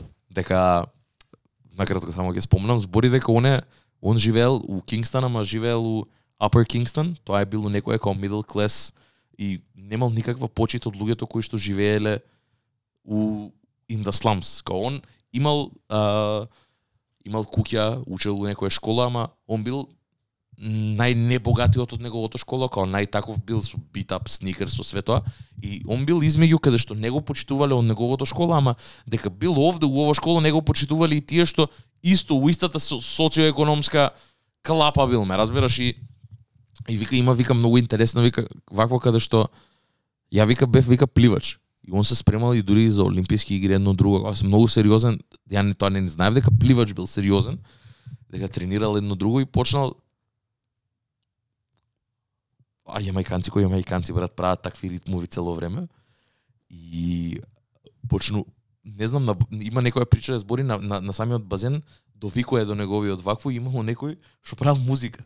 И му рекол како како умееш така да викаш и толку да ти биде чисто на толку далеко да ти се слуша вокалот дојка и мене ке студио ќе пробаме нешто И од тука почнува целата прича, брат, влага у студио, почнува да пишува и вика пошто вика нема, вика не може вика како dance hall music вика, почна вика од тешкиот живот, вика има и вика и таков елемент вика на тој социоекономски вика каде што се збори. Не е вика од секогаш било вика за девојки. Ама вика никој вика не ме прифаќаше вика за тоа, као ти си дете од middle class. Ти живееш вика тебе куќата ти е со white picket fence. Иако вика никад не сум имал пари вика тоа било останато вика од мојот татко или нешто и што и како. И вика свати вика морам вика да да направам вика switch и да почнам вика да зборам вика директно за девојки вика за журки вика за светоа. И така го профункционирав. И почнал да прави Има еден момент каде што не можел да се маркетира никако у Америка. Кога он почнал, и идел у Атланта, идел у Мајами, и идел у, у DC, каде што имало нај, најголем нај, најголема концентрација на американци каде што може да настапува. И имало момент, тоа тоа мислам сега ти поише си врсту тоа, ридам. Rhythm. Да. Тоа е тоа е ридимот на тој е инструменталот на песната на Лумиди ОО. Тоа е тој легендарен. Као сите имаат на Diwali Се Rhythm. вика. Дивали Ридим, еден од најпознатите рит, ритмови на сите времиња, ќе кажам слободно. Таму е Get Busy, ама пред да биде Get Busy се е Има премногу брат. Лумиди ОО, Wayne Wonder, No Letting You Go и баш се устаница ја пуштаме Brick and Lanes, uh... е, сега заборив, ама Не, Love не, is Wicked. не е ни бит. А, Значи, еден од најлегендарните ридемс и онака као 2002 е време Така нешто, да. и као успева да стигне до некој продуцент амерички кој што имал многу добро знаење за таа јамајканска култура, пошто тоа било уште тоаш неистражено онака, имало моменти каде што артисти од Јамајка, ама им викале мораш R&B да правиш. Никој никој никогаш не му има дозволено онака да направи апла dancehall песна да влезе на амерички пазар брат. Тука се појавува некој кој што е креаторот на креаторот на на на Diwali Rhythmot, го фаќаат него и почна да прави песна на лице место врз основа на ридимот да прави бит. Брат го има на емисијата како го свири се до ти Тоа ние шо гледаме оние ромине брат на на два корга бе брат и стое бе брат ти не знаеш господинов што прави бе брат. Вика ова е, вика и почне да свири нешто Get брат. Busy? За Get Busy почне да го свири брат, мелодиите, ритмот све почне да свири. Го објаснува ридимот од кај потекнува што како што било ридим. Многу многу информации има, многу интересна култура е. И тука целата приказна ја прави како уствари Get Busy има и као дека ја спомнува жена му, тоаш бил колу жена му и кај што а, на жена му другарка му кажува на заебанција спомни ме у песна. Джоди Ребека? Джоди Ребека е жена му. А, као се ви, а,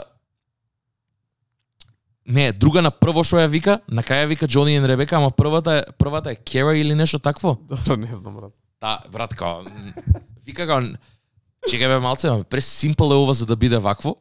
И вика, овој вика почна вика да свири вика дополнителни вика мелодии, свативме вика дека функционира. Што станува мултиплетнам тоа тоа страње, уште првата недела станува најголемата трака брат у, у Америка брат. И као огромен огромен хит и почнува више тука му се отвараат сите врати брат. Тука, тука почнуваат Atlantic Records го викаат као порано бил за VP Records, па после тоа одма, после таа трака Atlantic Records влагаат и му викаат албум сакаме од ова. Випи рекорд се Јамајка, брат. Да, VP Records се најголемите од Јамајка, ама тие биле подпишани за Атлантик. После тоа Атлантик доаѓаат и му викаат ние го откупуваме VP, од VP, од VP ние го откупуваме Шампол, сакаме да го земеме, цел албум сакаме да правиме за ова. И као тука тука влага уствари првите води кај што му- музика влагат на, на таква голема врата у Америка, брат, за така да пенетрира после тоа. Брат, ја една приказна ја кажував кога правевме Origins, али кога слушнав порано дека кога дознав порано дека има цел правец, што уствари у стилот на Шон Пол, ја бев mind blown, брат. Дека мене таа музика од сега ми се свиеше. Шон Пол Шаги, као дете, брат. Брат, преголема е, преинтересна е, премногу информации има и премногу култура има усе до тоа, брат. Као толкав мал остров, а да има толкаво толкав инфлуенс врз светска музика, Да. као сериозна работа е, ме разбираш дека тие луѓе, јамајканци потекнуваат исто од Вест Африка. Туга туга е таа иста конекција, значи они културата уште години години си имаат донесено тие ритмови и све тоа. Многу многу многу чуден мелтинг пот онака као продуцентов е skin брат, не е ни црнец црнец, Не, не, Шон има, Пол има, не е ни многу, има многу азијати на Јамајка и се А, тоа е... Па мислам дека дека. Шон Пол Шон Пол измешан нешто такво, татко Може, мислам дека е кинес или белец така нешто. Можно? Као, и тоа го збори у видеото, така да изгледајте го, на Vice, на Vice напише да Get Busy ќе ви искочи 20 кусур минути. Гледајте ги другите и тие јас се многу имам интересни. гледано, сите се интересни, али ова онака ми искочи брат дека имам ставено notifications на Vice. Морам викам да опуштам ова е прелегендарно за да не го пуштиш Да. онака како I get high е смешно и го изгледав дека си бил пето шесто оделени I get high ха ха ха хи хи и то глуп му овет било онака за ебанција помеѓу другари. Никад не си ја сваѓал сериозно песна. Get busy брате хит хит онака како не, немаше журка која што кај што Get Busy не се пушташе, па и ден денес онака се пушта бе брат. Ба се пушта како да не се пушта легендарна песна. Легендарна Брат, легендарен на MTV на MS SMS порано цел време вртеше брат. Нормално. Get Busy, нема кој не ја знае таа песна. Тоа сакам да ти кажам дека ова е многу посериозен аспект као Afroman I Get High е окей и има ама тоа е само многу мал брат Шон Пол е многу голема звезда брат. И се уште ми е криво што не успеав да го видам туку во Македонија брат, дека не дое. Многу има тоа да се деси Има и добро шоу, Шон Пол. Многу сакав тоа да се деси брат. Шон Пол и Паста Раймс, тие двајца не се десија, не се не, не се не се случија. Не знам од кои причини се откажа, али многу сакав да ги гледам брат. Тоа ќе беше легендарно, онака Шон Пол брат и у Македонија. У Парконде. Лудница, лудница, лудница. Шанапал. О, хаос. Е, Ама добро. да, дефинитивно. Тоа та, и такви видео, такви информативен карактер, многу ми се свијаат се поише и поише. Ми Ги гледам дека ги вреднувам брат. Па да бе брат. И добро се направени. добро се направени, артистите се уште живи и Нормално. тие се тие песни што сега после 20 години стануваат онака интересно ти да ја чуеш причата и сега више тоа многу старо и начинот на кој што се правила музиката, начинот на кој што се бркале тие договори, продукција, издавање едно друго, снимање спотови. Се многу чудно за оваа нова генерација, ама добро е да знае како било порано. Бидејќи ние кога сме биле кога сме гледале на YouTube од 2008, сме гледале како нешто изгледало у 95-та или у 85-та или. Стај се, стај, стај го ово у перспектива. Сега има деца, млади, кои што се 17 години, кои што се родени откако има искочено Get Busy и ја слушаат прв пат, брат. Ова прв пат дознаваат како такви такви луди работи си имаат дешавано од 2000, знаеш кој, јас сум јас сум се 18 години, знаеш мене што ги мозоков ки ми е преполнет со такви ствари. Ја мислам дека ќе главам цело време, брат. Или да истражуваш нешто што е искочено, брат, ја од сега ми бил, ама на пример ние не сме го имале интернетот така како што го имаат децата сега, брат. Сега ти е многу полесно, да- ние требаше да дознаваме да ама онака како да влезеш толку да знаеш која- какви ребит хол сега ќе влагам ја да сум 17 години, брат. Јас затоа не ни не ни пуштам YouTube, ако пуштам толку е. Посебно за музика. Понеделник, вторник, ја среда вечер го пуштам YouTube, па така изгледав Ја три поред ги изгледав брат од Да, овие. па, нема нем, немаш како поинаку брат. Немаш како поинаку пошто за нас тоа веќе е и носталгично. А рачунам дека плюс ти ако немаш никакво претходно знаење за тоа А брат. после влагаш Шон Пол друго видео, интервју со Шон А, Пол. Шон Пол, толку брат, заглавуваш на денсхол музи, Dancehall музика, музика, брат, да, и да. толку таму е се губиш брат. Да, да, да. Пошто тоа е, затоа велам, тоа е толку мал остров, али толкаво големо влијание има на светска музика, онака дека стварно има трансцендентирано и низ UK, и низ Африка, А, и хип-хопот низ свекаде, и низ брат. да, ба, брат. Све тоа. Плюс Канада, брат. Да не, да, да, да не ја забораваме, исто и Канада има еден, огромно има, е, она, да, јамајканци има кои што да. живеат таму, диаспора, кој што, кој што вирее исто таму таму. Као, Да, да, таму денско влијанието е огромно, брат. Па еве дури сега да се префрлиме на ова. Пуштаме ние викендов у Швајцарија, брат. Швајцарија и а, Германија и цела Европа, Франција има многу силна регија и денска култура. И на кај што ќе пуштаме јас Панчо джентлмен, во, брат. во да Шафхаузен. тргнеме од таму. Да, да, да, да. Ами најголемите фестивали Рототон во Шпанија, Самар Джем во Германија, во Келн, сигурно има во Франција, ма не ги знам. Англија исто, UK да не збориме, тоа колевка и на регето дури Реално, брат. за многу работи. Али исто кој што сега за афрото така во 80 90 2000 било и за регето. А, центар, али на пример во Шафхаузен пуштаме во клуб Тап Тап, јас и Панчо Colors Xmas Festival и вика The finest hip hop, trap, afrobeats and Latin music. И со нас пушта еден саунд систем од Швајцарија, Boom the Thing, кој предпоставам дека ќе пуштат денскол и афробит. Што е многу јако, брат. Страшно. Дека таму се спаѓа по тој еден кош, тоа што го збориме ние во, во, во поише наврати као. И ова, и ова, и ова. Тоа сега се сврти у една вечер од 7-8 сати. И ќе биде многу јако, брат. Веќе чекам да присуствувам на тоа, на страна на тоа што ќе пуштаме музика, брат. Да, да, ти ќе дојдеш да се репрезентираш самиот и да направиш најдобра журка, ама са, сам хаос. Finest hip hop trap, afrobeats and Latin music. Тоа е. Тоа е. Светска музика е, брат.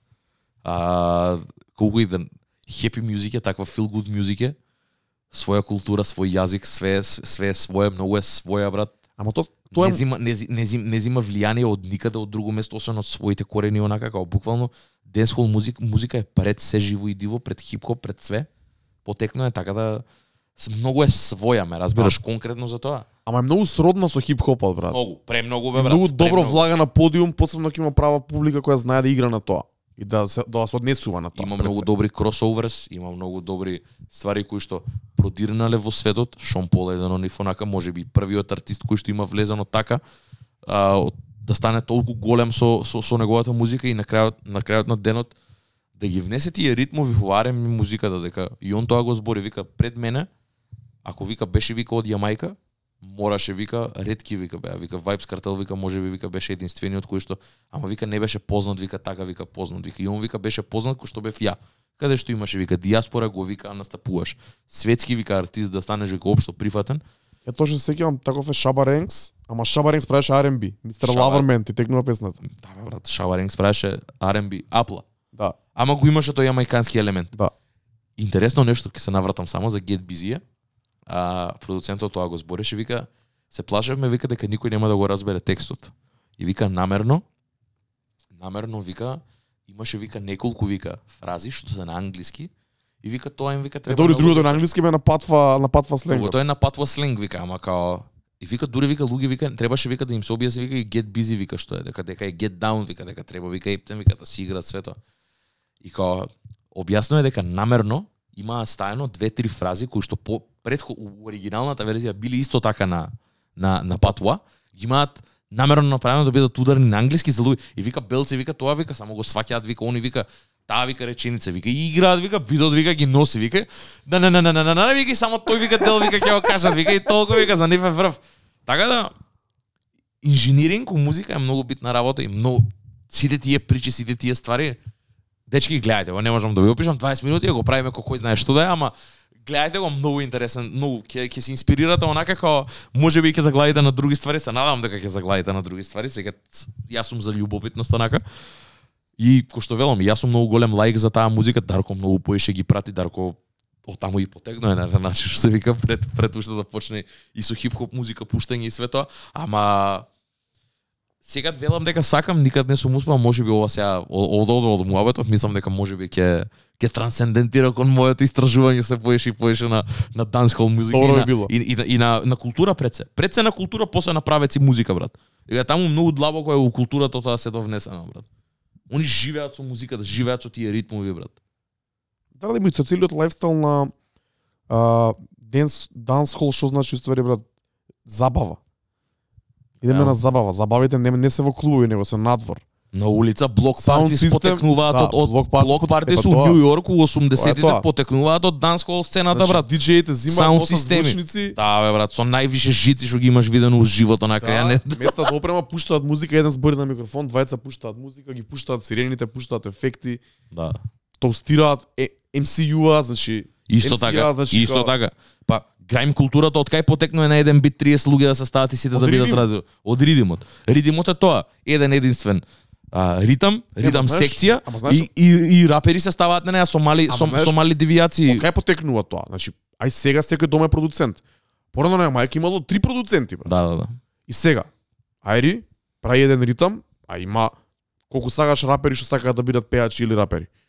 Доаѓате кај мене, се снимате, јас го вадам тоа, продуцентот го вади како негово. А Да. вие се сите на мојот бит. Ти вадиш, ти правиш Да. твој ритам од во тоа студио и твоите блиски артисти доаѓаат снимаат на тоа и ги вадиш песните и ги пушташ продуцентот е тој што е центарот бидејќи во 70-тите, 80-тите, 90-тите, па дури и 2000-тите се уште се тие местата кај што луѓето кои имаат музиката, кои ја прават музиката и, и местата кај што артистите можат да снимаат.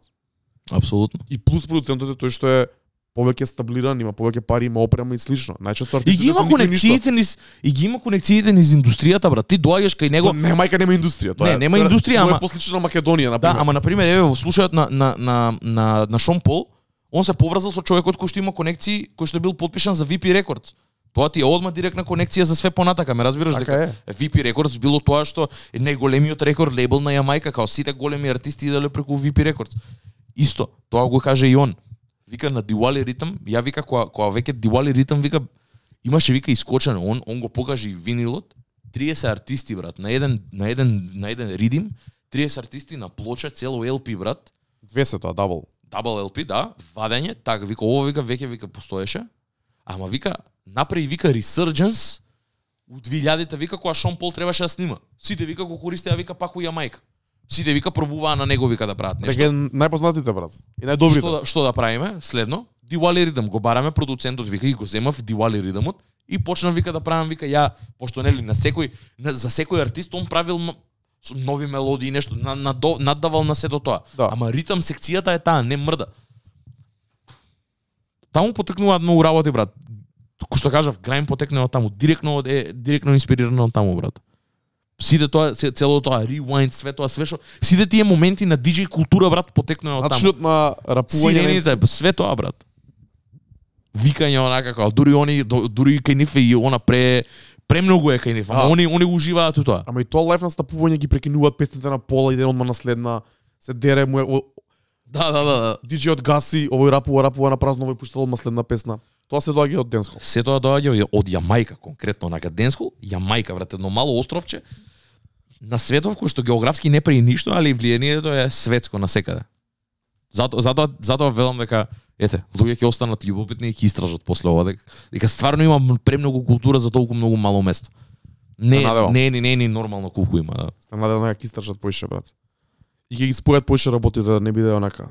Да, па тоа Ги спојат на тоа- начин на кој што треба да бидат споени. Да, тоа, треба, тоа, тоа треба да биде инспирација за се понатака, брат. Као, општо, тоа може и сигурно, не, сигурен сум, дека и тебе ти имало влијание, сето тоа, у твојата кариера како диџеј и све тоа, начин на кој што правиш, некад rewind да правиш, сите тие користење на, на звуци, на екстра што ги користиш, све доаѓа од некаде, бе, брат. Све све доаѓа од некаде, тоа е инспирации, тоа се инспирации, тоа се ствари што што ги гледаш и после она aspire to брат, стремиш кон нив брат, тоа е најнормално, тоа е човечка природа.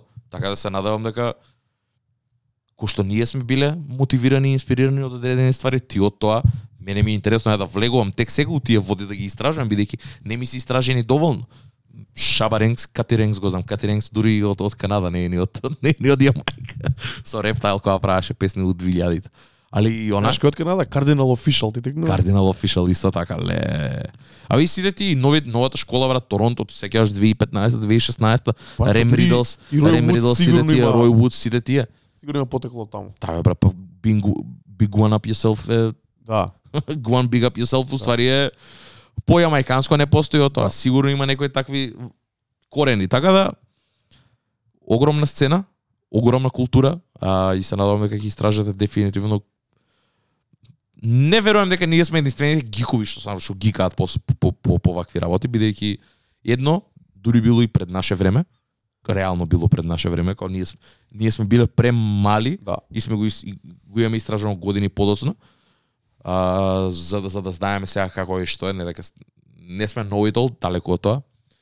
Ама тоа, вечна љубопитост кон кон таквите работи, дека кој што велиме хип, затоа затоа затоа велам дека хип хопот е музичкиот правец кај што можеш највише да научиш за музика дефинитивно бидејќи интерполира секој Да. можен друг правец што постоел претходно.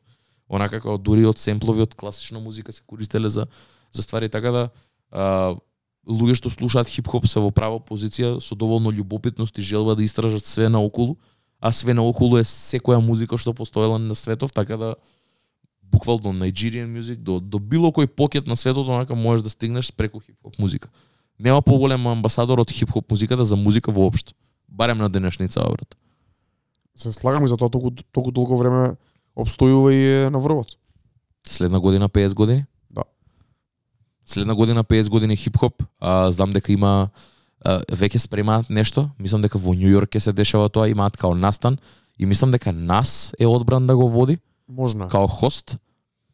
Исто има и- интересна дешавка и Фет Фили ќе отвара музеј на хрватски хип-хоп во Загреб Јако, по од 50 години.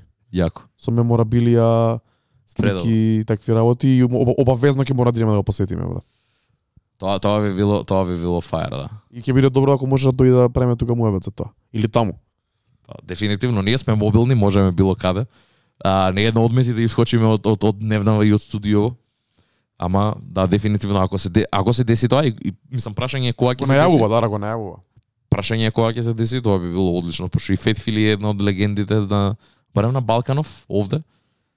Мислам, Во Европа ми би во, рекол. во, би рекол и во Европа со тоа што организираат фестивали од цело време. И тоа, то, и тоа е последната арка на неговата кариера, Да, онака да. каде што веќе е во позиција да биде организатор на такви ствари. Значи све тоа што има претходно правено, Blackout Hip Hop и сите тие конекции со од Хрватска и тука на сценава, значи не само тоа, FM Jam, исто сите тие конекции што, што ги имаат овде на Балканов, неизбежно па дури и таа со, со, со Македонија со Шуршац. Да, да, Исто да. така неизбежно сето тоа. И Ја голем дел од имињата кои дошле тука, Фет Филип дошле поради добра конекција на Панчо со Фет Фили, Фет Фили со DJ Премиер. мен- менаџерот или артистот. Точно. DJ Премиер 2009 прво доаѓање во Скопје, DJ Премиер 2010 најавува концерт овде. Јас среќен, пресреќен, најсреќен на цел свет, брат. Фет Фили загреваше за него, пушташе музика Да, пред да, него. Фет Фили е нашиот соработник кој станува збор за такви такви настани. Тоа е тоа. Рече добри сме, за крај да ја најавиме, да го најавиме настанот на викендот у Скопје. Трап Слава, Трап МКЦ, слава. Трап да фака после Не смееме да заборавиме. три години скоро. Ради X, Y и Z причини немаше други настани меѓу време, знаеме ковид беше главната причина за тоа. Екипата се собира, ја не сум таму, али доете. Драги Марса, Бас Инфузија, Кацар, Курчо, цела екипа на Visionary Records. Сите. А, кој е за прв? Мракот, Мракот, Рейджерс ТВ, Флекс, нашиот човек Флекс, Нако, Лаги, Нако, Секси Марса Кицо Праскада. се разбира. Сите ќе се таму. Сите ќе се таму, дечки, доете, купете си карта. Марса најави дека ќе има кифлици, сармици, руски салати, не знам тоа колку е вистина или не. Тоа прашајте си го него. А во МКЦ сабота појавете се, ја најверојатно ќе бидам таму. Дарко не е во државава, затоа не може. И мислам дека ќе биде добар добар момент и као и добар репрезент за македонската публика, за македонската музика. Дека исто кој што беше недалеко од тоа дека ги споредувам, ама пак е онака All Macedonian lineup со македонски млади артисти кои што ја Манаки е таму исто така го за цела Штипланта екипа, а тука се сите, сите што креираат музика активно моментално и мислам дека ќе биде добар момент за за за нашите момци да се представат онака да видиме што имаат, како имаат, бидејќи имале до сега, ама ова ќе биде бербон онака нив, нивна ствар и многу ме интересира да видиме како ќе се како ќе се покажат. И мене ме интересира, се гледам во вторник да раскажуваш, брат, и у среда да слушнали и другите. Апсолутно, апсолутно, апсолутно. Ама ако сте таму, поздравете, сега ќе бидам и у публика и у позади ќе шетам. Ќе ќе замарам луѓе, ќе ги прашувам како се поминале на настана и артистите се уште од шок после настап ќе ги прашувам позади. Со со джину рака, как задоволен си од твојот настап? О, некад се осеќам ко ко вакво, ко канцер за, за тие работи, ама тоа е ирис во редис, тоа ми е работа, луѓе не ми замеруваат за тоа, ако ми замеруваат, дечки слободно кажете ми ќе прекинам да давам со тоа. Лесен ле- лесен лесен тип сум за такви работи. Така да Чао од нас до след, следен вторник и пак уште еднаш ќе кажам, ако сте таму, поздравете се, say what's up. Уште едно подсетување, гласете на нашиот на нашиот пол Дефинитивно да. за нај, најдобри издања за 2022. Ние ги спремаме нашите листи, после оваа епизода следните денови ќе бидат објавени. Се гледаме следна недела, обавезно дојдете на YouTube, на Spotify, бидејќи спремаме супер епизода кај што ќе збориме за Трап да фака, Швајцарија, најдоброто од 2022 листите, ако се деси уште нешто меѓу време, али ќе биде стект епизода сигурно и таа уште едната пред крај на годината исто така спремаме нешто интересно. Stay tuned и а, фала ви и се гледаме наредна среда. Поздрав. Чао.